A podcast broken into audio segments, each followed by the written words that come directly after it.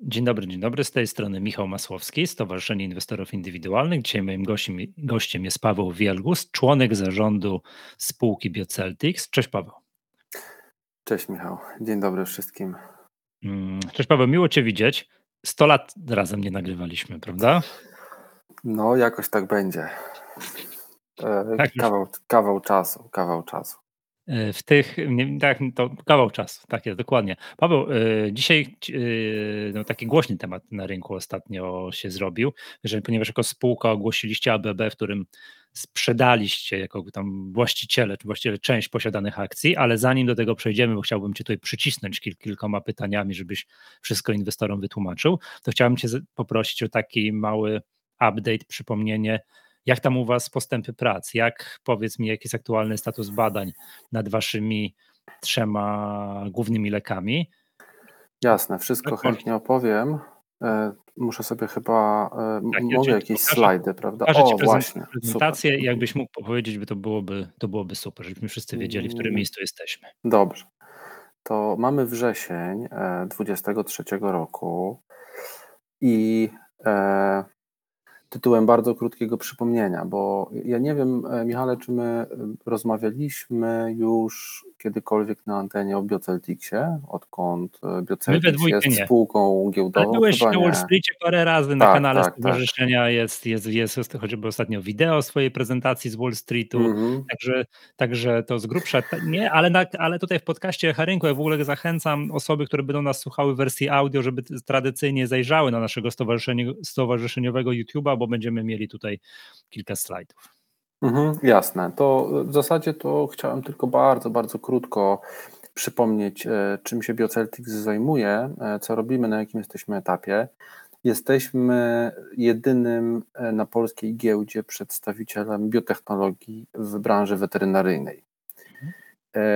Prawdopodobnie, trzymając się wąsko definicji biotechnologii, czyli że nie każda spółka, która robi leki, jest spółką biotechnologiczną, E, to prawdopodobnie jesteśmy jedynym przedstawicielem biotechnologii weterynaryjnej w Polsce. E, zajmujemy się komórkami macierzystymi, ale nie w takim rozumieniu, e, powiedziałbym, bardzo tradycyjnym i klasycznym, bo komórki macierzyste kojarzą się z medycyną regeneracyjną. To jest taka, powiedziałbym, powszechna opinia, że będzie sobie można z tych komórek macierzystych kiedyś zrobić drugą wątrobę albo nerkę. E, natomiast my zajmujemy się komórkami macierzystymi od zupełnie innej strony. Wykorzystujemy tak zwane immunomodulujące właściwości komórek macierzystych. Co to znaczy? Że komórka macierzysta, mezenchymalna komórka macierzysta, a takimi właśnie się zajmujemy, e, ma taką cechę, że ona oddziałuje na układ immunologiczny. E, w miejscu, w którym się znajduje, oddziałuje na układ immunologiczny organizmu i czy pacjenta, czy, czy człowieka, czy zwierzęcia. W związku z tym ona ma naturalne, takie ewolucyjne, bym powiedział, właściwości do tego, żeby na przykład wpływać pozytywnie na e, stany zapalne. E, I to są właśnie te cechy komórek macierzystych, które my wykorzystujemy w naszej technologii. E, można powiedzieć tak, ładnie, że, że za pomocą tych komórek macierzystych e, leczymy choroby o podłożu zapalnym i autoimmunologicznym, czyli tam, gdzie następuje coś w rodzaju autoagresji układu immunologicznego gospodarza względem samego siebie. E, no i mamy w tej chwili w pipeline produkty dotyczące dwóch gatunków. Jest to produkt na zapalenie stawów u koni i mamy dwa produkty dla psów. E, e, produkt na osteoartrozę stawów u psów, e, podawany dostawowo i produkt na topowe zapalenie skóry właśnie u psiaków. Mhm. To są bardzo ciekawe obszary. Częste, domyślam się, że to są bardzo częste choroby, choroby u psów. To są bardzo częste, to są hmm. bardzo częste choroby. Osteoartroza to jest mniej więcej jedna piąta psiej populacji. E, tych pacjentów jest naprawdę, naprawdę dużo. I e, jak pies się starzeje i jest coraz starszy, tym ten problem ze stawami jest coraz, e, mhm. coraz większy, coraz poważniejszy. E, przyjmuje się, że u psów powyżej 6-7 roku życia e, większość psów ma już problemy ze stawami, a są takie rasy, które w zasadzie nie są w stanie się od tego uwolnić.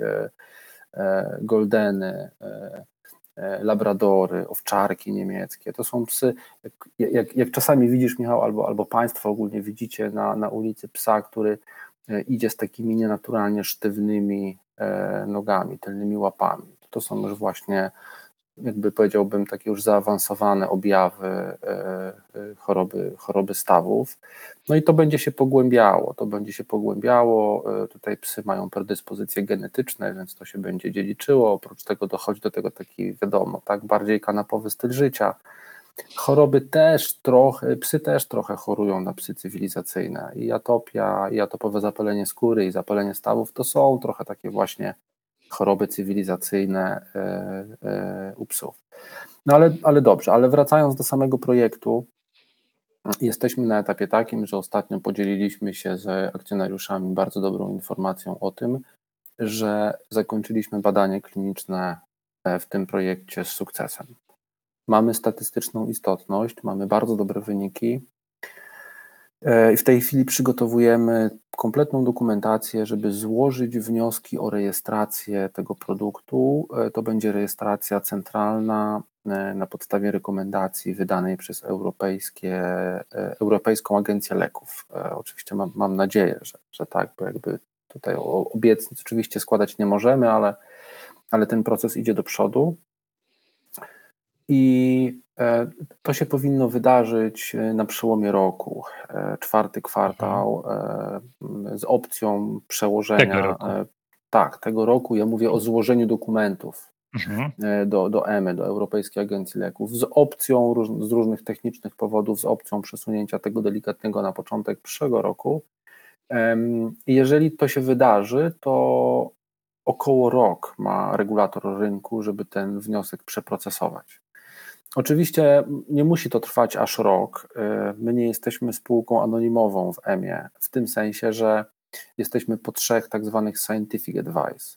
Scientific advice to jest taka procedura w Europejskiej Agencji Leków, gdzie spółka, która robi rozwój jakiegoś produktu medycznego, produktu leczniczego, może zapytać Europejską Agencję Leków w ramach takich konsultacji naukowych o opinię w związku z tym, korzystając z Scientific Advice, można ściągać różnego rodzaju ryzyka technologiczne. No i my to kilkukrotnie zrobiliśmy, trzykrotnie dokładnie, e, więc pokazaliśmy w Europejskiej Agencji Leków szlak technologiczny, pokazaliśmy kontrolę jakości, dużo rzeczy pokazaliśmy, mieliśmy jakieś tam rekomendacje, zalecenia. To wszystko zostało uwzględnione, więc mamy nadzieję, że e, e, w przypadku tych wniosków no, te rzeczy będziemy mieli za sobą. Bo no tak z ciekawości tak. takie pytanie zadam. Ta Europejska Agencja Leków, ta EMA, to do, domyślam się, że to jest organizacja taka, nie wiem, certyfikująca, przybijająca pieczątki, jeżeli chodzi o leki dla zwierząt. Również e, czy, dla ludzi. Dla ludzi też, ale czy chodzi mi tak. o to, tak. czy te, te, czy te procesy tej akceptacji, tej certyfikacji tych leków dla zwierząt, one są szybsze niż dla ludzi? E, nie są. E, sam zaraz to mogę się do tego odnieść, e, tylko jakby skonkluduję i zamknę tą, tą poprzednią wypowiedź, że jeżeli wszystko pójdzie zgodnie z tym, jaki mamy plan, to w, prawdopodobnie w czwartym kwartale 2024 roku powinniśmy mieć dopuszczenie produktu do obrotu i wtedy możemy uruchamiać sprzedaż tego produktu. Mhm. Natomiast odnosząc się, e, Michale, do tego, o co zapytałeś przed chwilą, development leków e, weterynaryjnych, rozwój leków weterynaryjnych wygląda inaczej. Od strony jakości i od strony mm, oczekiwań regulatora rynku, od strony bezpieczeństwa, tutaj nie ma taryfy ulgowej. Jedyna mhm. różnica jest taka, że my mamy to wszystko inaczej zorganizowane. U ludzi jest faza e, kliniczna pierwsza, druga, czasami 2A, 2B, później trzecia, czasami jest czwarta postrejestracyjna. Ten proces trwa bardzo długo i kosztuje bardzo dużo pieniędzy. W weterynarii to jest tańsze i szybsze. U nas to się dzieli w ten mhm. sposób, że mamy fazę bezpieczeństwa, później mamy fazę skuteczności i ta faza skuteczności to jest tak naprawdę badanie kliniczne. I ono jest jednofazowe. Ono jest jednofazowe i, i po, tym, e, po tym badaniu klinicznym, jeżeli wszystko jest ok, jeśli mamy statystyczną istotność, jeżeli spełnimy wszystkie inne warunki, które są niezbędne do tego, żeby taki wniosek do EMY złożyć, no to go po prostu e, składamy. Mhm. Super, dobra. To, czy ten, to jest ten pierwszy lek? Tak, to jest, ten, e, to, jest ten pierwszy, e, to jest ten pierwszy projekt. E, może jeszcze jedną rzecz, mogę dodać jeszcze jedną rzecz tak szybko. Chciałem tylko dodać, że mm, no, polska biotechnologia jako nauka, albo może jako, jako, jako obszar biznesowy, to jakby to, to, to jest, dość, jest dość młoda, jest dość młoda. I my jako, jako branża, która się w Polsce rozwija, na, nasze doświadczenia są stosunkowo skąpe w porównaniu na przykład do branży biotechnologicznej w Niemczech czy w Stanach Zjednoczonych. E, my się wielu rzeczy uczymy i wielu procesów nie przeszliśmy. Nie ma w historii polskiej biotechnologii żadnej rejestracji leku oryginalnego w Europejskiej Agencji no, Leków. Nie no Paweł, skoro powiedziałeś, że jesteście jedyną tego typu firmą w Polsce. Ale ja, to... mówię, nawet, ja mówię nawet o ludziach. Ja mówię no. nawet w tym momencie o projektach ludzkich. Jedna okay. duża firma biotechnologiczna e, niedawno, kilka miesięcy temu, dostała dopuszczenie do obrotu mm, na rynkach międzynarodowych dla e, przeciwciała monoklonalnego biopodobnego ogromny, ogromny sukces i, no, i technologiczny, i biznesowy. Więc my, myślę, że e, e, myślę, że to jest jakiś początek, e, początek drogi ciekawy. Natomiast jeżeli chodzi o leki oryginalne, to tego po prostu nie mamy. No i to, co powiedziałem przed chwilą, to jest w pewnym sensie wyjątek potwierdzający regułę. Także to, jakbyśmy na chwilkę zapomnieli, że jesteśmy spółką weterynaryjną i powiedzieli, popatrzyli ogólnie na branżę biotechnologiczną w Polsce, to je, jesteśmy spółką, która zakończyła badania kliniczne. To jest duża rzecz. Mhm. Naprawdę, to jest duża rzecz. I za chwilkę będziemy składali wnioski do regulatora o wydanie pozytywnej rekomendacji na dopuszczenie tego produktu do obrotu, i to też jest duża rzecz. Paweł, jaki rzeczy... duży macie zespół? Ile to ludzi pracuje w tych W, w, w BioCLTX mamy 30, 30 parę osób. To, to nie, na, na, poziomie zespołu nie, nie, jesteśmy jakąś tam ogromną e, spółką, ale dobrze zorganizowaną, dobrze zorganizowanym zespołem. Mm-hmm. A już takich osób, już stricte zajmujących się produktem, bo domyślam, czy ty. Powiedziałbym, że, że mamy w, w, okolicach tak dwie trzecie kadry e, naukowej, e, jedną trzecią kadry biznesowo, zarządczo, menedżersko-administracyjnej. Około tak, tego to, wszystkiego, tak, tej tak, całej obudowy. Mhm. Tak, tak, tak, tak. tak. Dbamy mhm. o to, mhm. żeby naszym wszystkim kolegom w laboratoriach i na wytwórni e, dobrze się e, pracowało. No rozumiem, żeby im tam chłodnej Coca-Coli nie zabrakło, mówiąc tak. tak, tak no dobrze. Dobrze, abyśmy mogli przez te dwa pozostałe produkty Jasne. Atopowe zapalenie skóry, bardzo duży problem e, u psów. E, to jest choroba, która objawia się przede wszystkim świądem. Jak się objawia świądem, e, pojawiają się, czyli psa po prostu swędzi. Jak psa swędzi, pojawiają się stany zapalne, pies się pies się drapie, e, pies się gryzie, więc następuje uszkodzenie na skórka, czasami skóry, wdają się różnego rodzaju zakażenia, stany zapalne, zakażenia bakteryjne. Ciężko się leczy u niektórych pacjentów e, atopowe zapalenie skóry. ciężko his... powiedzieć, żeby się nie drapał. No zdecydowanie, tak. Mhm. Mieliśmy historycznie e, takiego pacjenta, któremu pomogliśmy w ramach tak zwanego last resort treatment, leczenia ostatniej szansy. To był e, psiak, który już, e, już na nic nie reagował, łącznie z przeciwciałami monoklonalnymi.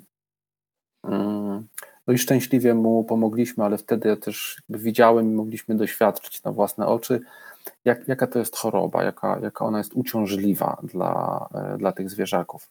A taki pies Statyst... trafił do Was, do firmy, do laboratorium. W ramach testu ktoś, właściciel szukał e, ostatniej Właści... szansy, tak? Właściciel szukał, dokładnie, właściciel szukał i, i, i to odbyło się we współpracy oczywiście z lekarzem weterynarii i to tak naprawdę ten kontakt był od lekarza weterynarii, który w zasadzie no, już rozłożył ręce i powiedział, że no, nie mogę tutaj nic zrobić, tak, bo już nic nie działa. E, natomiast w tej chwili mamy tych wyników już znacznie, znacznie e, więcej, to znaczy e, skończyliśmy w tym roku coś, co nazywamy pilotażem badania klinicznego. Z, z punktu widzenia branży weterynaryjnej to jest silne proof of concept, Natomiast my to nazywamy czymś więcej niż proof of concept, nazywamy to pilotażem badania klinicznego, dlatego że rzeczywiście zrobiliśmy to, chociaż to był eksperyment naukowy, nie miał statusu badania klinicznego, to staraliśmy się go tak robić, jakby to było badanie kliniczne już. I w tym badaniu porównywaliśmy pacjentów, e, którym podawaliśmy nasz produkt na bazie komórek macierzystych, do pacjentów, którzy otrzymali, otrzymywali zarejestrowane, dopuszczone do obrotu przeciwciała monoklonalne. I te wyniki również są bardzo dobre. Przeciwciało monoklonalne działa stricte przeciwświądowo. W związku z tym, jak obserwujemy świąt i badamy świąt, to widzimy, że reakcja na przeciwciało jest znacznie szybsza niż na nasz produkt, ale na koniec e, całego procesu i całej obserwacji, która trwała 3 miesiące, widzimy, że to, to, co my jesteśmy w stanie osiągnąć e, za pomocą komórek macierzystych, to są bardzo dobre wyniki, zarówno jeżeli chodzi o stan zapalny skóry, jak i o świąt skóry. Dochodzimy okay. do tego trochę inaczej, bo ten mechanizm działania jest nieco inny. No i ważna rzecz. E, w tym eksperymencie podaliśmy nasze komórki macierzyste, nasz produkt raz na początku trzymiesięcznego okresu i zobaczyliśmy, co się dzieje po trzech miesiącach. Natomiast e, pacjenci, e, którzy byli w kontroli pozytywnej, czyli na tym leku dopuszczonym do obrotu, na tym przeciwciele monoklonalnym, dostawali produkt co miesiąc, bo tam efekt terapeutyczny trwa miesiąc. Więc porównywaliśmy trzy podania e, leku istniejącego do jednego podania naszego e, produktu e, i to wyszło bardzo, bardzo dobrze. Prawdopodobnie, już kończąc, ten wątek taki naukowy, technologiczny, prawdopodobnie jest to pierwszy na świecie przykład, tak dobrze udokumentowany przykład badania, w którym pokazano, że można skutecznie leczyć atopowe zapalenie skóry u psów za pomocą komórek macierzystych podawanych dożylnie. Mhm. Paweł, jak wy pozyskujecie te, te pieski na te, na te badania? Jak to trafiają do was właściciele tych psów, u których jest to stwierdzone i one, te psy się męczą? E, punktem wyjścia e, w całej technologii, bo rozumiem, że o to pytasz, skąd, się, skąd bierzemy komórki macierzyste. Tak, nie, tak, jest, tak jest pytanie? Których, nie, pacjentów. pacjentów który, na których przecież te, te leki potem podajecie. No tak, ale to, to, to wszystko, y, to jakby wytłumaczę to na przykładzie badania klinicznego na mhm. osteoartrozę. To jest badanie y, robione, y, badanie międzynarodowe, robione w trzech krajach. Mhm. Robiliśmy to badanie na Węgrzech, w Irlandii i w Portugalii, w prawie 20 klinikach. Więc okay, to jest duże przedsięwzięcie. Dla spółki, która ma 30 parę osób, e, kadry, to, to jest duże przedsięwzięcie. Mhm. Organizacyjne. E, takie. Również, tak, również. I, I to jest tak, że e, jest cała procedura, są protokoły tego badania klinicznego i teraz normalnie do kliniki przychodzi pacjent. I lekarz bada tego pacjenta, czyli tego psiaka, i i, I, pyta się opiekuna, mówi tak, że to jest pies, który spełnia kryteria udziału w tym badaniu klinicznym, czy opiekun, bo pies ma jakby taką cechę, że nie potrafi sam odpowiedzieć. Czy on się zgadza, czy nie zgadza, jest tak, tak. W związku z tym opiekun, jego opiekun musi za niego, e, musi za niego zdecydować.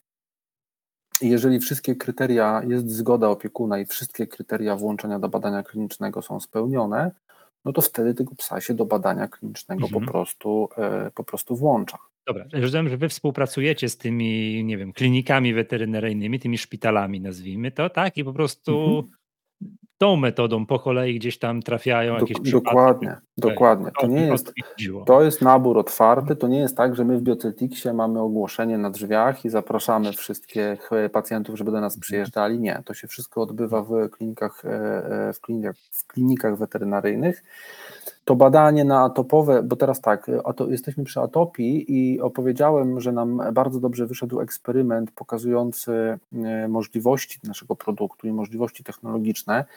E, wyniki z tego pilotażu wykorzystaliśmy do tego, żeby do, zdefiniować e, protokoły badania klinicznego. I w tej chwili te protokoły badania klinicznego są gotowe. Złożyliśmy wnioski o, o zgodę na rozpoczęcie badania klinicznego w e, trzech krajach, e, również w tych samych, w Portugalii, w Irlandii i na Węgrzech. I spodziewamy się, że być może już w październiku będzie zgoda regulatora węgierskiego, bo on jest taki, działa sprawnie po prostu. E, I jeżeli tylko ta zgoda będzie, no to my mamy produkt już wyprodukowany i i jesteśmy gotowi do pierwszego podania. I w tym momencie nam się tak naprawdę rozpocznie coś, co nazywamy fazą badawczą tego badania, czyli po prostu już będziemy po pierwszym podaniu pierwszemu pacjentowi, rekrutacja się rozpocznie i będzie dalej już prowadzona. No i mamy nadzieję, że tą rekrutację do końca roku zrobimy, e, ale to dużo zależy od tego, jak będą wyglądały zgody właśnie w tych poszczególnych krajach. E, E, więc nie, mo, nie mogę tego, nie, nie, możemy o tym przesądzić w żaden sposób, bo od tego momentu to już nie zależy od nas, tak? Wnioski mhm. są złożone, czekamy na, e, czekamy na zgody. Paweł, no jak i... widzę po slajdzie, tak. to, jest, to, jest, to jest proces, znaczy to jest jakby fazę później ten lek na, te, na to zapalenie skóry. Dokładnie niż... tak, ma mniej mhm. więcej rok przesunięcia. Mhm. Atopowe okay. zapalenie skóry ma mniej więcej rok przesunięcia względem osteoartrozy. Tak, bardzo słuszna, e, bardzo słuszna obserwacja. Czyli mm, wydaje nam się, że powinniśmy w pierwszym kwartale przyszłego roku skończyć rekrutację w tym badaniu klinicznym, a w drugim kwartale skończyć obserwację w tym badaniu klinicznym. E, no i będziemy później mieli mniej więcej pół roku na przygotowanie kompletnej dokumentacji, porobienie wszystkich obliczeń. Jeżeli się z tym wyrobimy, to w czwartym kwartale przyszłego roku złożymy wnioski E, do e, Europejskiej Agencji Leków o dopuszczenie tego produktu do obrotu. Yes. Tutaj też jeden komentarz zrobię, że my produkt do badań klinicznych produkujemy sami.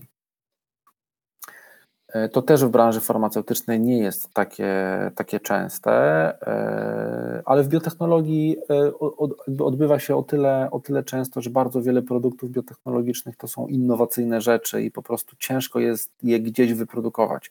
Jak my startowaliśmy z Biocelticsem, ja pamiętam 6-7 lat temu, w 2016 roku, jak rozmawialiśmy z Łukaszem i budowaliśmy plan, to pomysł był taki i konkluzja z naszych rozmów była taka, że po co budować i certyfikować wytwórnię? Przecież zlecimy ten produkt y, jakiejś firmie, która nam to w standardzie farmaceutycznym, w tak zwanym GMP zrobi, wyprodukuje, my to po prostu kupimy, zlecimy taką usługę, że to będzie efektywniejsze. I, I taki był plan, bo też tak się robi bardzo często na rynku ludzkim. Jakież było nasze zdziwienie, jak się okazało, że nie możemy znaleźć praktycznie nigdzie żadnej firmy, która by nam to usługowo wykonała, i w tej chwili mamy sytuację taką, że y, po, róż, po pokonaniu różnego rodzaju przeciwności prawnych, administracyjnych, po trzech latach starań już w tej chwili mamy certyfikat GMP u siebie wewnętrznej w Biocelticsie, mamy certyfikowaną wytwórnię, jest to certyfikat GMP na terapie komórkowe w weterynarii, więc możemy sami w standardzie farmaceutycznym do badań klinicznych ten produkt e, wytwarzać. I jeśli Czym chodzi o mini linię produkcyjną u siebie tutaj. E, to się to tak, to, to się ładnie nazywa wytwórnia, wytwórnia farmaceutyczna. Pokażesz mi to kiedyś. Zapraszamy. Wytwórnie. Mam blisko tak. Zapraszamy na psie pole. No to. Bardzo to dobra. Bardzo, bardzo dobra lokalizacja. Tak, psie pole to bardzo dobra, e, bardzo dobra lokalizacja dla firmy, która robi leki dla psiaków. Tak, dobrze. To mamy te, dobra, to, jeszcze, to już widzę, w którym to jest momencie. I jeszcze ten, mhm. Mm, to mamy, mamy jeszcze... dwa psie produkty, tak? I jeszcze tak. tak. Mamy produkt jeden dla koni, tak? I to w którym to jest miejscu rozwoju? E, tak, e, we wszystkich tych projektach mamy oczywiście fazy bezpieczeństwa porobione, czyli tą taką pierwszą fazę rozwoju klinicznego, tak, to wszystko jest porobione. Również u koni. U koni jesteśmy w trakcie badań klinicznych. Pierwsze podania zrobiliśmy kwiecień, maj. E, w tym badaniu jest około 100 koni. I też mamy nadzieję, że do końca tego roku zrobimy rekrutację tych wszystkich pacjentów. To badanie jest realizowane w 17 klinikach e, w czterech krajach, między innymi e, Holandia, mhm. która jest bardzo ciekawym krajem, jeżeli chodzi o branżę czy o, o konie, jako zwierzęta towarzyszące, jako zwierzęta sportowe oczywiście. Tutaj nic na razie nie możemy powiedzieć na temat skuteczności, na temat wyników tego badania klinicznego. Na razie jesteśmy mniej więcej w połowie rekrutacji, czyli można powiedzieć, że mniej więcej 50 zwierząt mamy, e, mamy zrekrutowanych. I to przynajmniej tą samą metodą, współpraca z tymi klinikami, które zajmują tak, się dokładnie, dokładnie. takimi zwierzętami, bo to nie każda klinika weterynaryjna leczy konie, domyślam się. Tak? Oczywiście, że tak. Mhm. E, jeśli chodzi o konie, to tutaj szczególnie e, szczególnie ten rynek, powiedziałbym, jest scentralizowany czyli nie jest zdecentralizowany, nie jest taki rozproszony jak, jak psy. Tutaj Polska szczególnie jest takim krajem, która ma po prostu ogromną liczbę gabinetów e, weterynaryjnych zajmujących się małymi zwierzętami, e, mhm. czyli, czyli psy e, i koty. Trochę mniej zajmujących się zwierzętami egzotycznymi i całkiem mało zajmujących się końmi. Także konie to jest w ogóle ciekawy przypadek też biznesowo, bardzo ciekawy, bo tutaj jakby koń jest e, zwierzęciem drogim w utrzymaniu, również drogim w zakupie. E, leczenie konia jest bardzo drogie. E, liczba gabinetów, które zajmują się końmi jest stosunkowo niewielka, co oznacza, że można stosunkowo szybko dotrzeć praktycznie do wszystkich koni w Polsce i w Europie. Do wszystkich? Praktycznie tak, bo żebym dotarł do wszystkich pac- pacjentów, żebym dotarł do wszystkich pacjentów, e, którzy będą, e, czy to do 90% e, psów, na przykład z osteoartrozą w Polsce, to muszę spowodować, żeby mój produkt był w kilku tysiącach gabinetów weterynaryjnych mhm. w Polsce.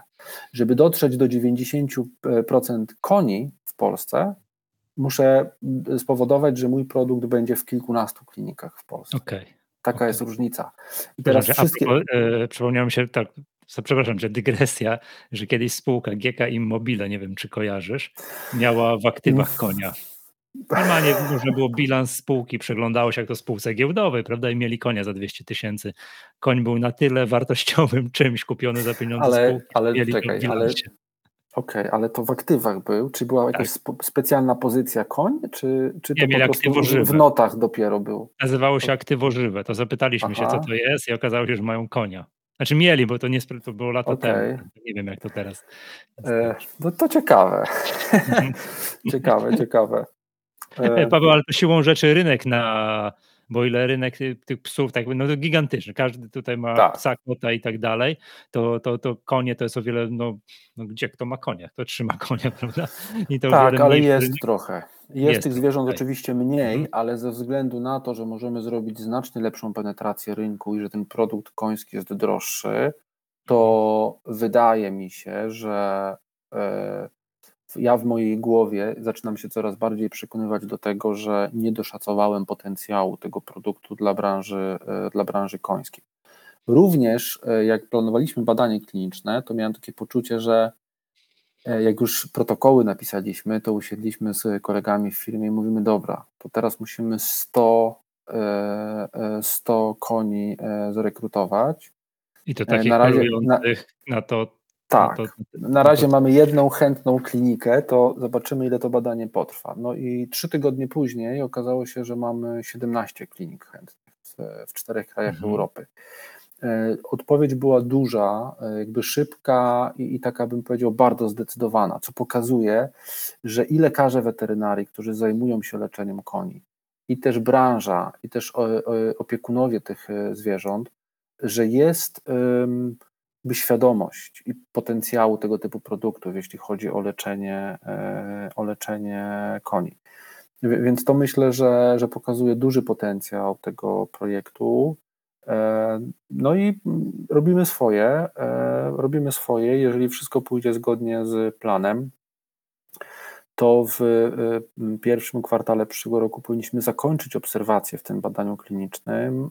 E, w drugim kwartale pewnie będziemy mieli raport, a w trzecim kwartale mam nadzieję, że będziemy mieli całe dossier i będziemy mogli złożyć również wniosek e, do Europejskiej Agencji Leków o dopuszczenie tego produktu do obrotu. Czy to jest w podobnej fazie ten ten lek, to ten projekt, jak ten poprzedni z tym, z tym On jest skóry. Tak, y, powiedziałbym, że trochę, y, jeśli chodzi o zaawansowanie, to tak, najbardziej zaawansowana jest osteoartroza, bo tutaj badania kliniczne mamy skończone, później są konie, bo tutaj mamy w połowie badania kliniczne, a później mamy atypowe zapalenie skóry, bo tutaj mamy y, rozpoczęcie tego badania klinicznego.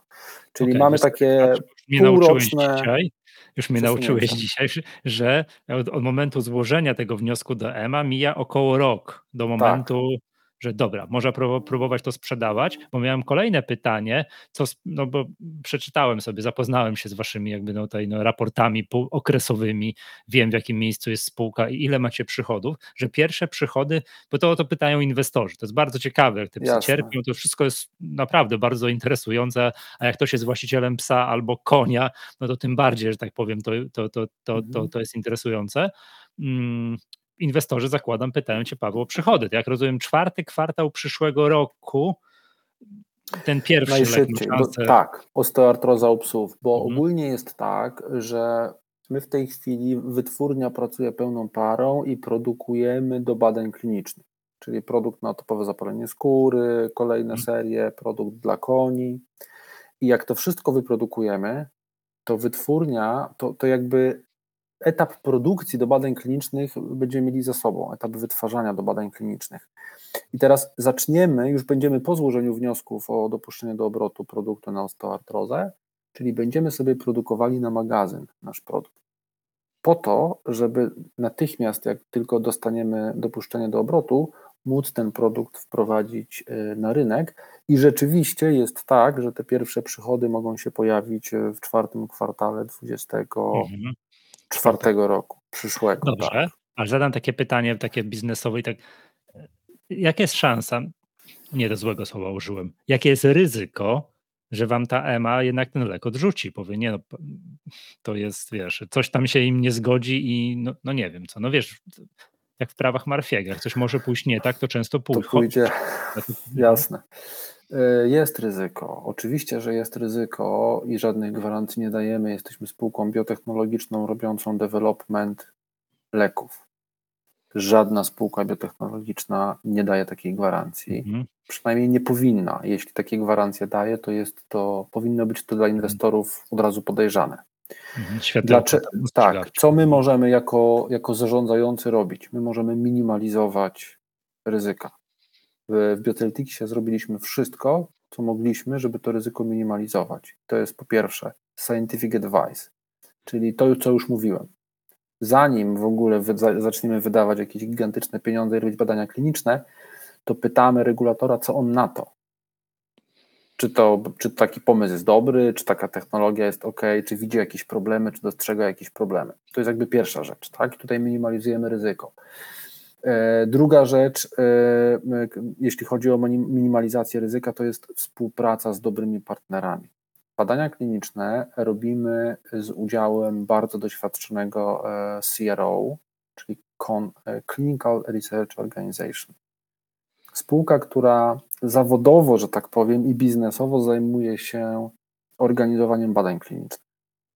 I my korzystamy z, ze wsparcia partnera, który zagranicznego, jednego z najbardziej doświadczonych tego typu na świecie, który ma na swoim koncie kilkanaście rejestracji produktów oryginalnych w EMie, przechodził ten proces już wielokrotnie, a co więcej, e, ma na swoim e, koncie rejestrację pierwszego na świecie w ogóle leku dla zwierząt zawierającego komórki macierzyste.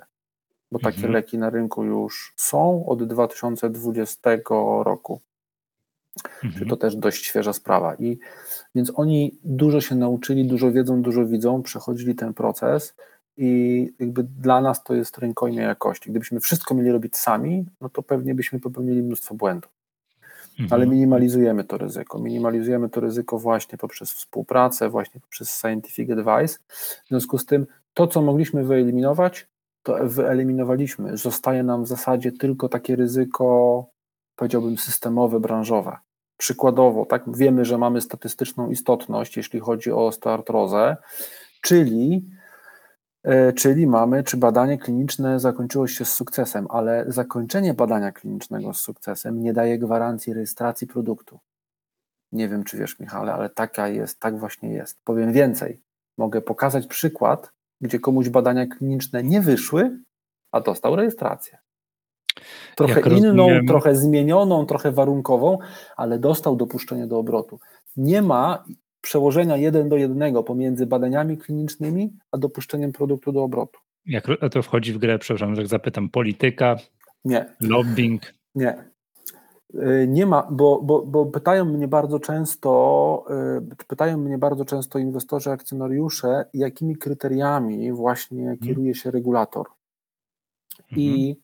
Czy to, że na przykład nam wyszły jakieś konkretne wyniki z badania klinicznego, czy to możemy powiedzieć, że na podstawie tych procentów, które tam publikujemy, albo które nam na końcu wychodzą, że to już na pewno tą rejestrację dostaniemy albo nie dostaniemy? Podstawowym i w zasadzie jedynym kryterium dla regulatora rynku jest stosunek korzyści do ryzyka dla danego produktu.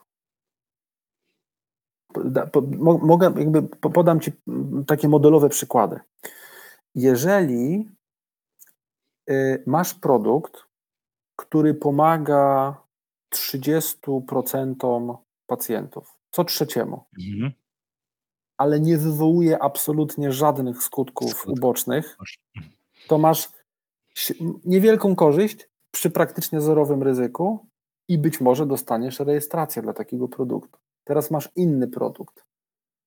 Działa zawsze, leczy jakąś chorobę, masz praktycznie 100% wyleczalności, ale, ale, je, ale na przykład masz masz ryzyko jakichś skutków ubocznych, tak? Albo masz mhm. pacjentów, u których z jakiegoś powodu ten produkt jest na przykład, nie wiem, hepatotoksyczny. I, e, czyli jakby niszczy wątrobę bardzo szybko, tak? I, e, i, I tutaj takie leki też są dopuszczane, ale muszą być argumenty.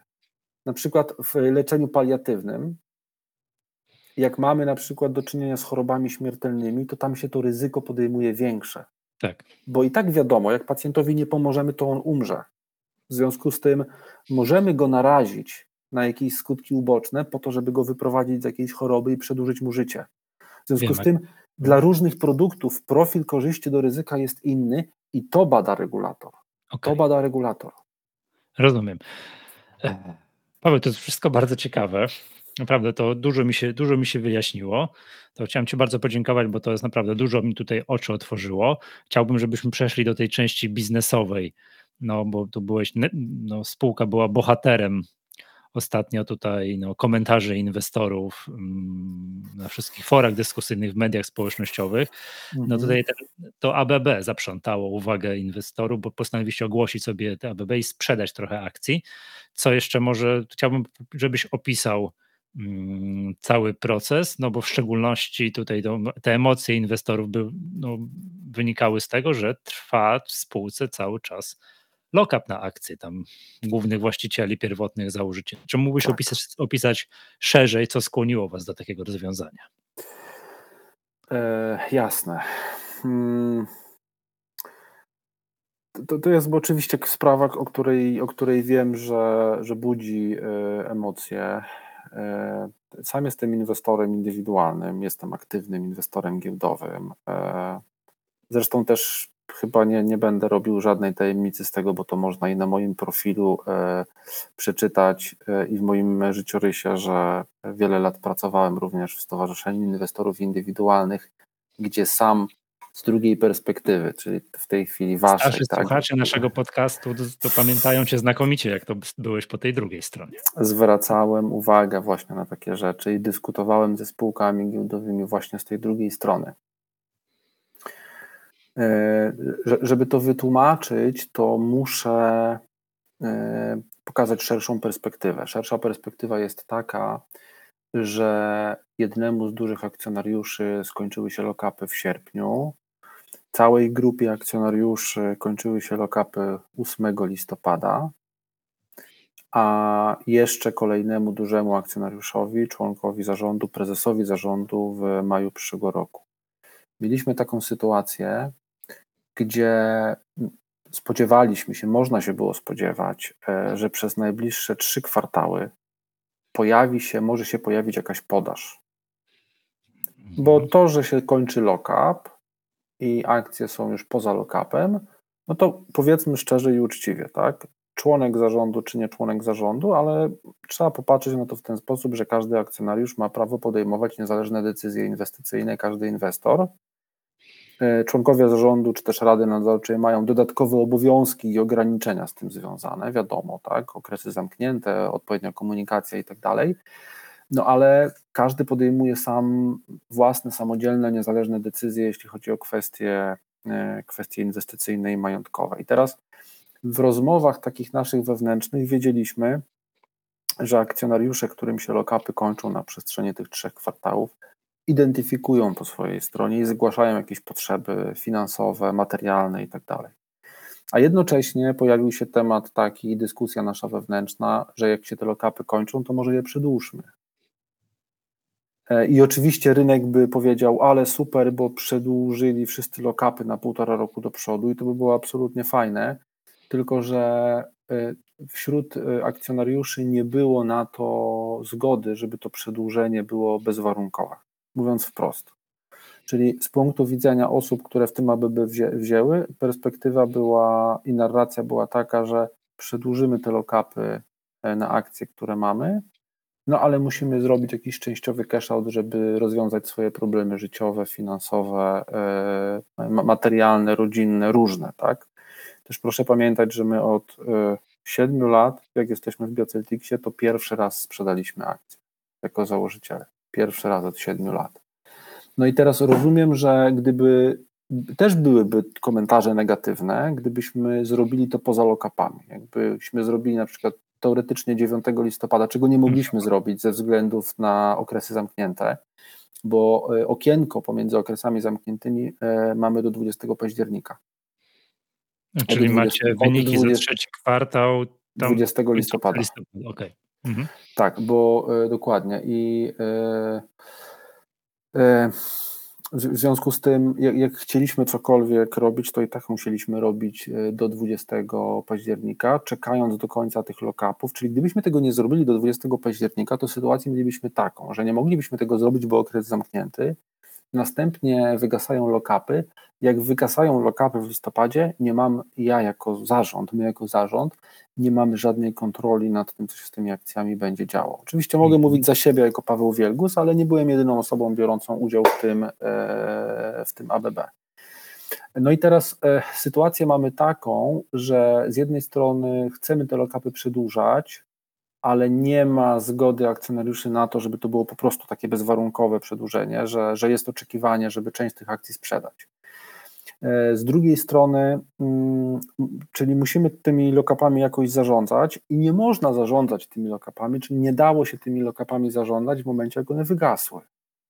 Jakbyśmy poczekali do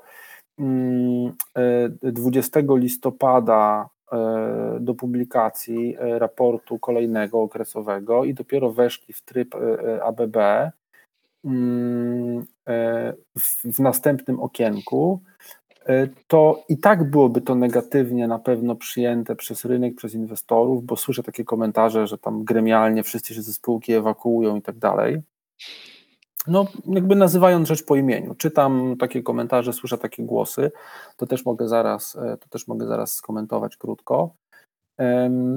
Więc jakby teoretycznie e, robiąc to po 20 listopada, no ale to już byłoby po tym, jak tych lockupów by nie było.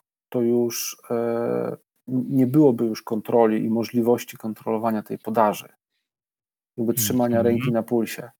I teraz, Rozumiem, że tych osób, albo nazwijmy to inaczej, podmiotów jest za dużo.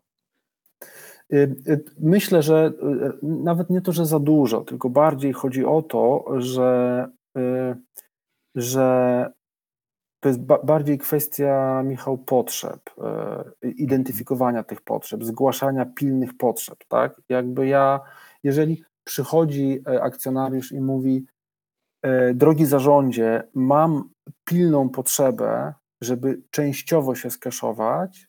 8 listopada kończą mi się e, lokapy i e, nie wykluczam, że będę musiał część tych akcji sprzedać. To rodziło ryzyko, że będą transakcje przechodziły przez arkusz zleceń i to też rodziło mhm. ryzyko że ta podaż się rozciągnie w czasie. A możesz mi przypomnieć, y, jak dużej liczbie akcji kończyły się, kończą się lokapy teraz tam w tym 8 czy 9 listopada? Z, z, z głowy te, tego nie powiem, nie ale to było mm, ponad 1 czwarta kapitału zakładowego. Okej. Okay. Dużo, dużo. dużo. Mhm. I teraz tak, i teraz e, i w związku z tym, no i jakby i akcjonariusze przychodzą i mówią, i ja mówię, to, to zróbmy to, poczekajmy, e, no ale ja muszę, ja muszę to zrobić, jak potrzeby są. I powiem szczerze, że ja też nie będę ukrywał, to też była moja narracja, w tym sensie, że ja również po swojej stronie pewne potrzeby identyfikuję, które musiałem zaspokoić. Jakby nie będę tego ukrywał i też nie chcę tak, żeby, żeby wyszło na to, że zwalam też na moich kolegów, bo sam uczestniczyłem w tym ABB. Mhm.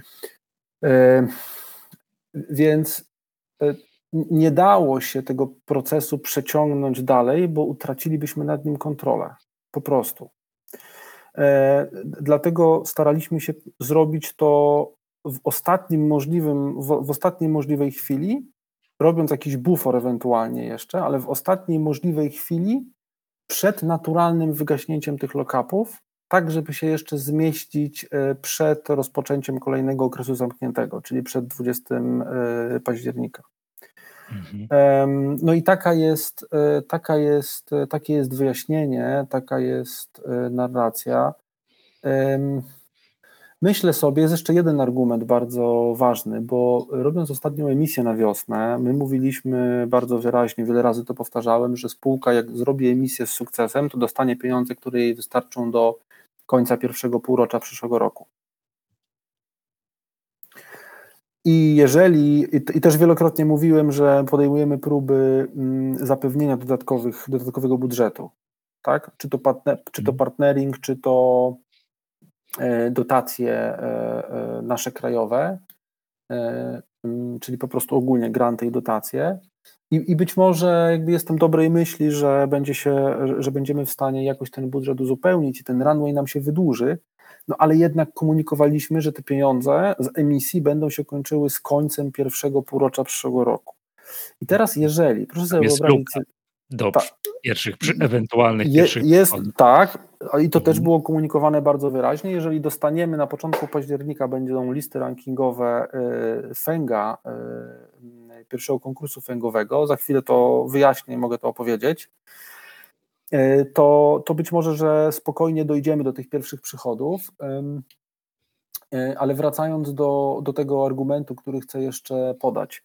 E, ja oczywiście dbam o to i muszę dbać o to, żeby spółka miała jak najwięcej pieniędzy na rozwój. Muszę dbać o to, żeby stabilizować sytuację finansową spółki, taka jest moja rola i muszę zakładać realizację scenariuszy negatywnych, bo na tym polega zarządzanie ryzykiem w takiej firmie. I teraz zgodnie z prawami Marfiego, które przytoczyłeś. Mhm. I teraz zgodnie z prawami Marfiego może się wydarzyć tak, że nie będzie żadnych dodatkowych wpływów ani w tym, ani na początku przyszłego roku i z końcem czerwca, czy też tam pod, pod koniec pierwszego półrocza będą się te pieniądze kończyły. Czyli będę musiał wtedy prawdopodobnie, jeżeli nic innego się nie wydarzy, prosić y, y, akcjonariuszy, inwestorów o kolejne pieniądze, nazywając rzecz po imieniu. I teraz wyobraźmy sobie, że mamy od listopada do maja przyszłego roku ciągły nawis podażowy wynikający z braku lokapów. Mhm. Rozumiesz? Prowadzi, no, rozumiem, to do, rozumiem. prowadzi to do trudnej sytuacji, do trudnej sytuacji, w której robienie kolejnych, yy, kolejnej emisji, która ma, która, o której mam nadzieję, że jej nie będzie. I, I, mam na to argumenty, które mogę za chwilę podać, yy, ale licząc się z tym, że czysto teoretycznie ona może, yy, może być, jeśli prawa Marfiego zadziałają, y, to, mhm. to, to musiałem zrobić wszystko, żeby te rzeczy mi się nie skumulowały. Mhm. Rozumiem, Paweł. Natomiast no, popatrz na to troszkę takimi, wiesz, oczami inwestora indywidualnego, nie? Jakoś tak się składa, że wszystkie lokapy, które się w ostatnim okresie działy tutaj na polskiej giełdzie, no powiedzmy sobie, mamy nieszczególnie dobrą koniunkturę, tak? No ale pytanie, kiedy mieliśmy dobrą, tak? Na polskiej e, giełdzie, no powodowały, skutkowały skokowym spadkiem kursu akcji. No siłą rzeczy tak się dzieje. Zobacz, tu dominuje takie myślenie, że skoro jacyś inwestorzy finansowi mogą poza rynkiem kupić dużo taniej, to czemu ja mam na rynku kupować drożej? Tak, bo, skoro, bo zobacz, to przecież u was też tak było, że cena jeszcze przed chwilą była powyżej 80 zł, dzisiaj jest, patrzyłem przed sekundką, 60-62 zł. Nie ma się więc za tym co dziwić, że wiesz, inwestorzy alergicznie reagują, jak w komunikacie jakiejś spółki przeczytałem sformułowanie ABB, bo jeszcze nie wiedzą przecież, jakie to ABB będzie, po ile tak. tam się, to, wiesz, ten book building weźmie tam, wiesz, ukonstytuuje i to jeszcze w okresie trwania lokapu. Mhm. E, wiesz co, jakby sobie tak rozważamy e, to, trochę na przykładzie Bioceltixa, a trochę akademicko może o, odnośnie do kwestii ustalania ceny w tego typu transakcjach w ABB, no to pamiętajmy, że ABB, jak sama nazwa mówi, polega na bookbuildingu. Tak, szukasz e, rozumiem, inwestorów finansowych. Tak. tak. Mhm, okay. Rozmawiasz z inwestorami i ci inwestorzy, składasz im oferty, a ci inwestorzy e, e, składają, znaczy składasz jakby, oferujesz Też akcje, składają tak, a, a oni składają oferty do książki, i to się niekoniecznie do książki, musi do książki popytu.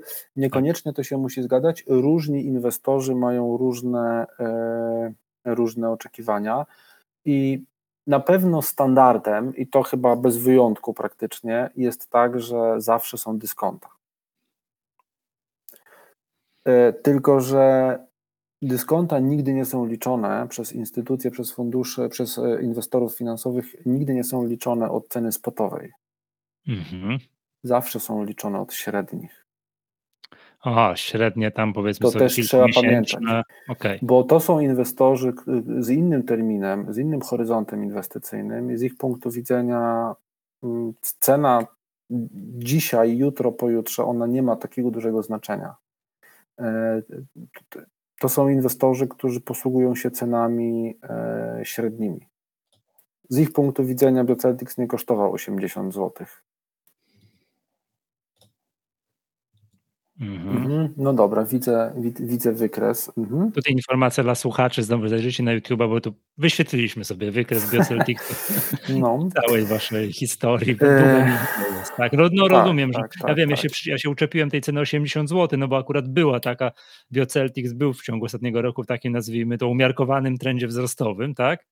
No i była ta mhm. cena 80-80 parę złotych tuż przed ogłoszeniem. No okej, okay, to ta średnia była trochę niższa. No dobrze, no okej, okay, to mów dalej. Ale co mam jeszcze dalej mówić?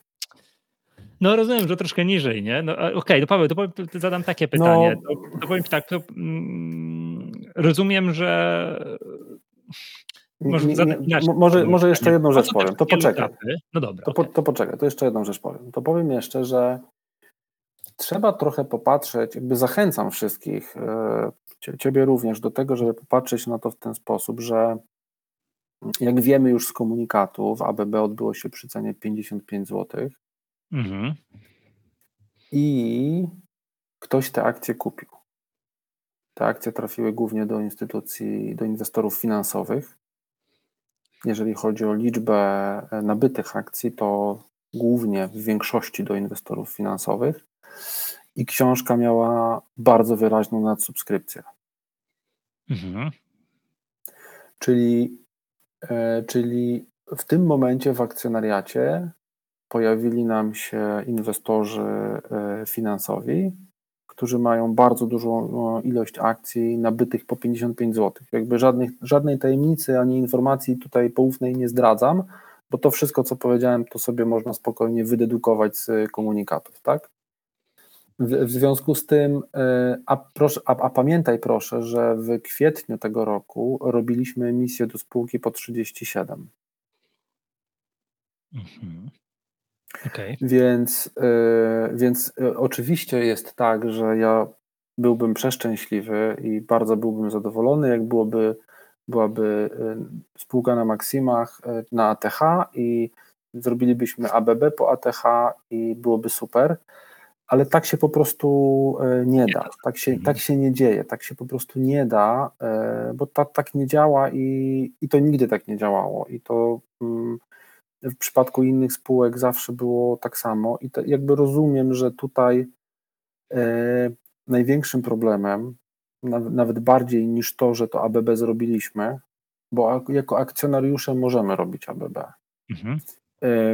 Rozumiem, że największym problemem jest to, że zrobiliśmy to pod koniec obowiązywania lockupów. Tak, no w trakcie, tak, no bo zobacz, spójrzmy Paweł tak na to, że... Ty mówisz, rozumiem, ty mówisz, ty mówisz w trakcie, nie? A ja mówię pod koniec. Michał, pamiętaj proszę, wiesz ile te lockupy trwały? Dwa lata, czy tam... Tak, tak. tak. Mhm. Zlokapowaliśmy akcje na dwa lata, na 24 miesiące i zrobiliśmy ABB 4 tygodnie przed wygaśnięciem tych lockupów, w momencie, w ostatnim momencie, kiedy byliśmy w stanie jeszcze kontrolować tą podaż, żeby ona nie wchodziła do arkusza zleceń. Mhm. E, domyślasz się, Paweł, już bo teraz tak, e, po tym ABB wy przedłużyliście te lockupy tym tak. wszystkim tak. akcjonariuszom i sobie też na dodatkowe, nie wiem, tam półtora roku, przypomnij mi. E, trzy osoby, trzy osoby e, fizyczne mają przedłużenie tego lockupu na półtora roku do 8 maja 2025 roku. Mhm. Natomiast ja i dyrektor finansowy Bioceltixa, czyli Andrzej Włach, posiadamy akcje w tej chwili pośrednio poprzez Quarko Group Mhm. E, no i ten akcjonariusz e, przedłużył lock-up o 12 miesięcy do 8 listopada przyszłego roku. Okej, okay, bo, bo tu bardzo argumentujesz i ja to przyjmuję mm, to jest za dobrą monetę, tak? Tutaj e, to tłumaczenie, że w waszym przypadku zdjęcie tego lock-upu było no, uzasadnione, prawda? Mm, no i to można powiedzieć tak, że po co w ogóle te wszystkie lock-upy, skoro, skoro i tak w krytycznym momencie przed mhm. tym majem 2025 roku możecie znaleźć uzasadnioną przyczynę, że właśnie trzeba zrobić kolejne ABB i znowu, nie wiem, kto, kto wyraża zgodę, znaczy rozumiem, że w przypadku podstawowych akcjonariuszy spółka, a w waszym przypadku jeszcze dom maklerski musi Nie, w przypadku, po pierwsze to w przypadku no. wszystkich akcjonariuszy to był dom maklerski, również, mhm. oprócz spółki, bo wszystkie te umowy były umowami trójstronnymi. Mhm. Więc no na ściągnięcie tych lockupów oprócz spółki wyraził dom maklerski zgodę, natomiast w przypadku członków zarządu Rada Nadzorcza. Ale przecież ciężko mi wyobrazić sobie sytuację, że dom maklerski powie, że nie zgadzamy się, że jednak się nie dogadaliśmy i na przykład za pół roku nie zrobicie znowu gdzieś tam. Tak. Za pół roku nie zrobimy. Y, I, i teraz no. tak, y, po pierwsze, y, jeżeli oczekujesz ode mnie deklaracji, to mogę ją złożyć. E, ja jako członek zarządu. Nie zadaję Ci pytania jako inwestora, jako trochę, okay. trochę jako członkowi zarządu, ale trochę jako inwestorowi indywidualnemu, że, który patrzy z drugiej strony i mówi tak, no bo to przewija się po wszystkich forach dyskusyjnych czy mediach społecznościowych. No i po co taki drugi lockup, skoro zawsze ten lockup można sobie dogadać i jednak sobie go ściągnąć? To tak, takie jest myślenie teraz, prawda? Mhm. E, jasne. E, jak popatrzymy na, na, na, historię rynku kapitałowego, to nie jest tak, że Bioceltics wymyślił ściągnięcie lokapu e, mhm. przed trzy tygodnie, przed, czy cztery tygodnie przed jego wygaśnięciem, po to, żeby zarządzić płynnością i podażą akcji w sposób kontrolowany i świadomy.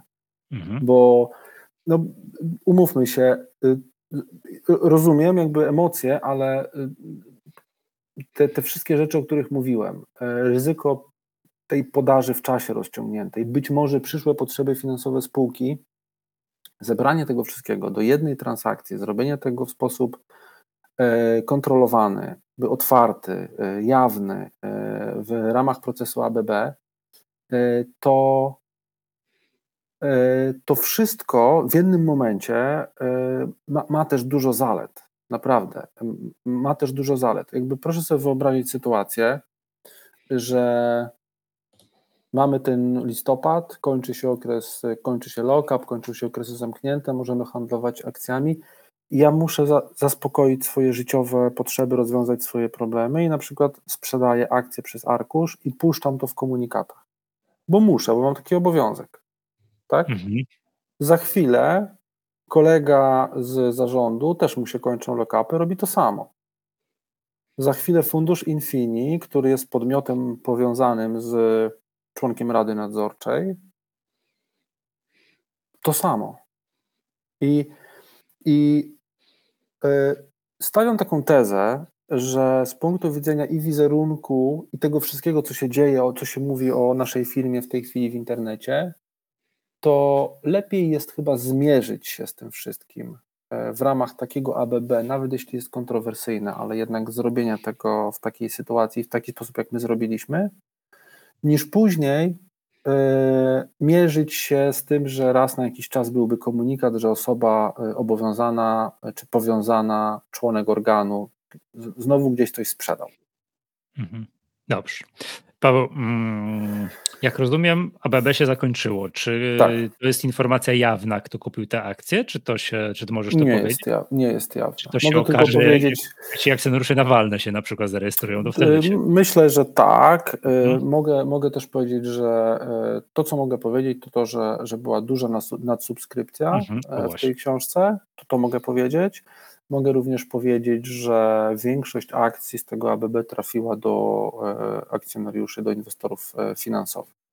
Okej, okay. dobrze. Paweł, jeszcze jak mógłbyś przypomnieć, bo to ważne jest mm, przybliżyć, po kolei ja przeglądam akcjonariat Biocelticsu, e, kto jest w akcjonariacie spółki i to, co mnie głównie interesuje, jakby nie wiem, czy ty wiesz, czy potrafisz o tym powiedzieć, horyzont inwestycyjny wszystkich podmiotów. Ja tu przywrócę ci okay. prezentację, no. bo wiem, że masz to na którymś slajdzie. Mam. No, chyba, chyba na tym właśnie. Y, dobrze, y, tutaj muszę takiego... Przed ABB czy po ABB? Przed. To jest po ABB, tylko o. to jest trochę w zawieszeniu, bo to jest tak.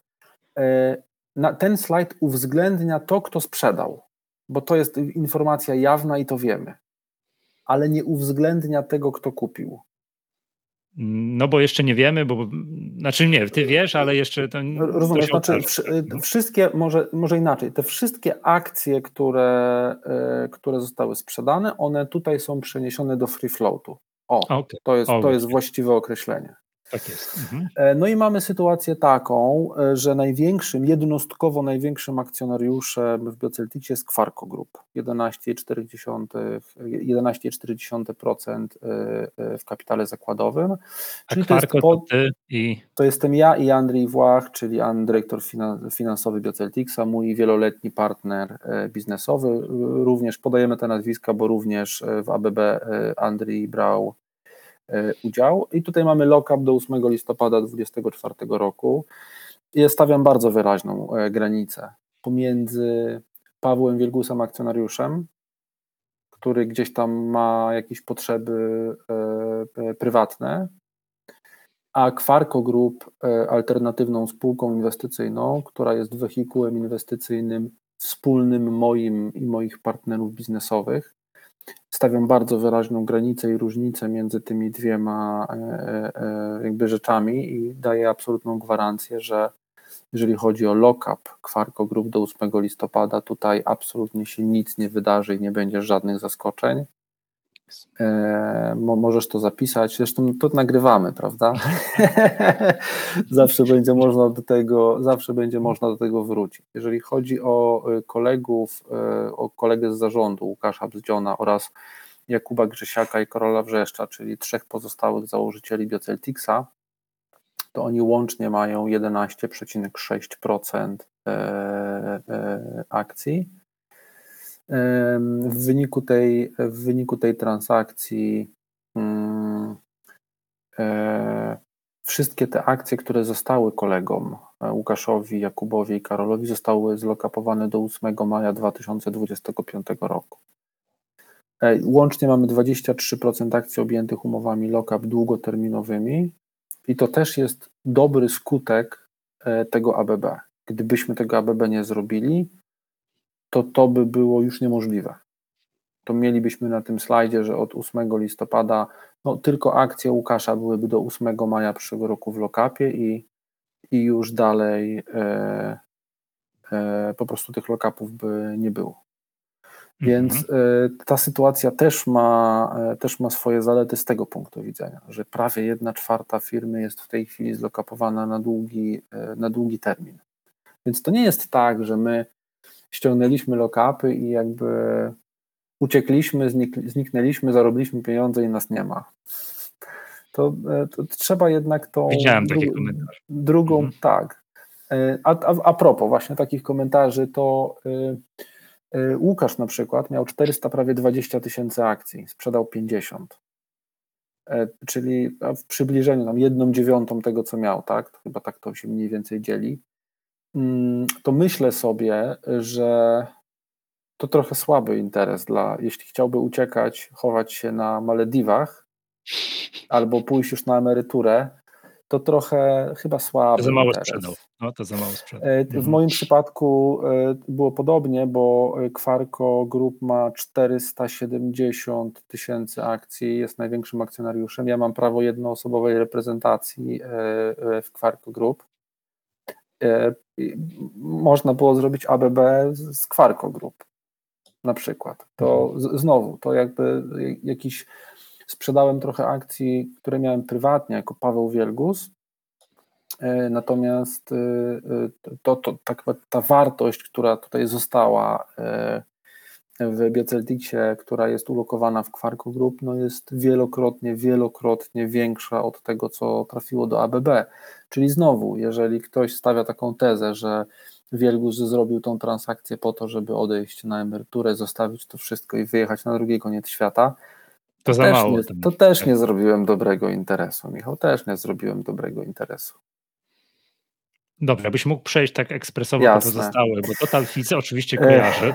Tak? Total Fees to tak, chyba wszyscy inwestorzy kojarzą z innych spółek również giełdowych. E, Alternative Solution to jest e, spółka... W perspektywie tej takiej długoterminowej mógłbyś powiedzieć. Tak, Total o Totalu? Tak. Nie mogę, nie, nie mogę powiedzieć, okay. bo to, to, jakby w rozmowach takie informacje padają. Ja się bardzo cieszę, że Total jest w akcjonariacie mm. Bioceltixa, bo ma też bardzo ciekawą historię inwestycyjną. E, zarządzający e, Totala to są, e, powiedziałbym, to w ogóle bardzo ciekawi ludzie i wydaje mi się, że Total jest wyjątkowym funduszem, wyjątkowym, bardzo ciekawą strategią inwestycyjną i bardzo cierpliwym. Z innych projektów patrzymy na inne projekty i widzimy, że horyzont inwestycyjny Totala potrafi być bardzo długi. Co oczywiście pewnie nie oznacza, że on zawsze i wszędzie taki będzie, bezwarunkowo, ale jednak on jest bardzo długi. Jak się popatrzy na inne projekty, to to, to jest inwestor bardzo stabilny i wielo, wielo, wieloletni. Więc mhm. y, po, znowu, to, to znowu zapytaj proszę, zadaj to pytanie proszę zarządzającym Totala, ale gdybym miał jakąś hipotezę postawić, to powiedziałbym, że to jest inwestor stabilny, długoterminowy. Dobra, i pozostałe dwa fundusze. Później mamy, później mamy Alternative Solution i to jest spółka, i to też jakby żadna tajemnica, bo to można sobie w KRS-ie przeczytać i pogrzebać. To jest spółka, która należy do dwóch wspólników, którzy są również w Kwarko Group. Czyli to są moi historycznie najstarsi partnerzy biznesowi i wspólnicy. Horyzont inwestycyjny Alternatywa jest horyzontem długim. E, alternatyw jest od samego początku praktycznie, w, jak tylko powstał, to, to nie było od samego początku w Bioceltixie, ale od pewnego momentu, jak już był Bioceltix, to powstał Alternatyw i te akcje były już później obejmowane, nabywane przez Alternatywa e, e, sukcesywnie i to jest bardzo stabilny inwestor z bardzo długim horyzontem inwestycyjnym. E, Infini. Infini to jest historycznie nas, nasz e, najstarszy inwestor. E, Infini zainwestowało w Bioceltics w 2017 roku, jeśli mnie pamięć nie myli, czyli rok po powstaniu, czyli trochę jak byliśmy na etapie przysłowiowego PowerPointa. Wiesz, to Bioceltics takie power... Pamiętam tę historię, mhm kiedy y, jeździłem z tym przysłowiowym PowerPointem e, po, po różnych funduszach e, i to wszędzie pocałowałem klamkę. Wszyscy mnie wyrzucili, wszyscy. E, wiele osób mówią, że to jest ciekawe, ale nie na tym etapie, że to jest tak wczesny etap rozwoju, że tutaj liczba ryzyk jest absolutnie gigantyczna i pierwsze duże ryzyko, które się ziście nas wywróci. I pewnie dużo było w tym racji, ale wiesz, no Bioceltic powsta Bioceltics powstał, bo nikt mi nie powiedział, że nie da się tego zrobić. tak trochę. E, I wtedy, e, za co jestem bardzo wdzięczny, e, zarządzający Infini i członek Rady Nadzorczej aktualny Bioceltixa e, Maciej Wieloch zaufał mi, tak jakby zobaczył tą, że coś w tym projekcie jest i że ta wizja ma ręce i nogi, jakoś się trzyma kupy. Infini jest projekt, jest funduszem zasiewowym, to jest typowy, typowo venture'owy fundusz, taki zasiedo, zasiewowy, seedowy, funkcjonujący jeszcze w ramach ekosystemu Bridge Alpha, czyli tego współfinansowanego z Narodowego Centrum Badań i Rozwoju. E, no i w tej chwili e, e, Infini już sporo akcji sprzedało, więc jeżeli, znowu to jest pytanie do zarządzającego Infini, ale moim zdaniem jest tak, że skoro już w drugim ABB Infini te akcje sprzedawało, E, jakby mam takie deklaracje, że e, pozostała część akcji, czy deklaracja, raczej może nie deklaracja, jakby nie chcę, żeby to źle zabrzmiało, ale oczywiście rozmawiamy o tym, tak, jakie są potrzeby inwestycyjne funduszu Infini, rozmawiam z kolegą, e, pytam, mm, czy planuje jakiekolwiek transakcje w najbliższym czasie. Z tego co wiem, to takich potrzeb nie ma i nie są, i nie są planowane ale też trzeba liczyć się z tym e, w jakimś takim racjonalnym horyzoncie czasowym, że jednak fundusze seedowe, takie typowo venture'owe, mhm. no w tej chwili zaraz będzie od 2017 zaraz będzie 8 lat, tak, jak e, ten inwestor jest z nami. E, no i to jest jak na fundusz taki zasiewowy, technologiczny, to już jest długi horyzont inwestycyjny, więc więc to, to jest po prostu inwestor e, finansowy. Natomiast to, co mogę absolutnie zagwarantować, to to, że Infini jest bardzo rzetelnym, stabilnym partnerem. Tak, to znaczy yy, tych akcji Infini ma jeszcze dużo i jeżeli będzie kiedykolwiek yy, chciało jeszcze tą pozycję skrócić albo całkowicie zamknąć, to na pewno będzie to robione yy, w sposób przemyślany, z głową, e, w porozumieniu z jakimiś innymi dużymi potencjalnymi akcjonariuszami, inwestorami, e, czyli pewnie też w jakichś transakcjach takich kontrolowanych, przejrzystych, e, żeby te transakcje nie przechodziły gdzieś tam przez arkusze zleceń czy coś takiego, bo to jest duża liczba akcji, więc ja bym się tutaj tym w ogóle na chwilę obecną nie przejmował. Dobrze, Paweł. Bardzo Ci dziękuję. To ja wyczerpałem wszystkie Mm, wszystkie pytania, na, pytania na dzisiaj. Mm, trochę żeśmy tutaj. No, dziękuję Ci za mm, przedstawienie publiczne tej sprawy ABB Lockup i wszystkich tych drażniących y, inwestorów. To było miło z Tobą coś nagrać znowu po latach. E, tak, e, możemy jeszcze chwilę powspominać? Ja, no śmiało, oczywiście. Bo myśmy, bo, bo my kiedyś, jak, jak pracowałem w Stowarzyszeniu Inwestorów Indywidualnych, to to nagrywaliśmy takie podcasty, tak. prawda? Pamiętam tak. to, pamiętam. To jest, jest w ogóle gdzieś dostępne jeszcze? Oczywiście, oczywiście, że tak. A to wtedy te... podcast Echa Rynku, Aha. do czego wszystkich Państwa zachęcam za pomocą Apple Podcast albo, albo w Spotify'u to też jest. Jak się przewinie tam za sto kilkadziesiąt odcinków w tamtą stronę, tam do tyłu, no to tam, to, to będą, te, będą te odcinki. Mm. Gdzieś, gdzieś to wszystko jest zakopane. Ach. Piękny no czas. Dobrze. Dobrze, proszę Państwa, moim Państwa gościem był Paweł Wielgus, członek zarządu spółki Bioceltics. Pawle, bardzo serdecznie Ci dziękuję i do usłyszenia. Mam dziękuję nadzieję, Michał i dziękuję Państwu również za wysłuchanie i za uwagę. Do usłyszenia. Do usłyszenia.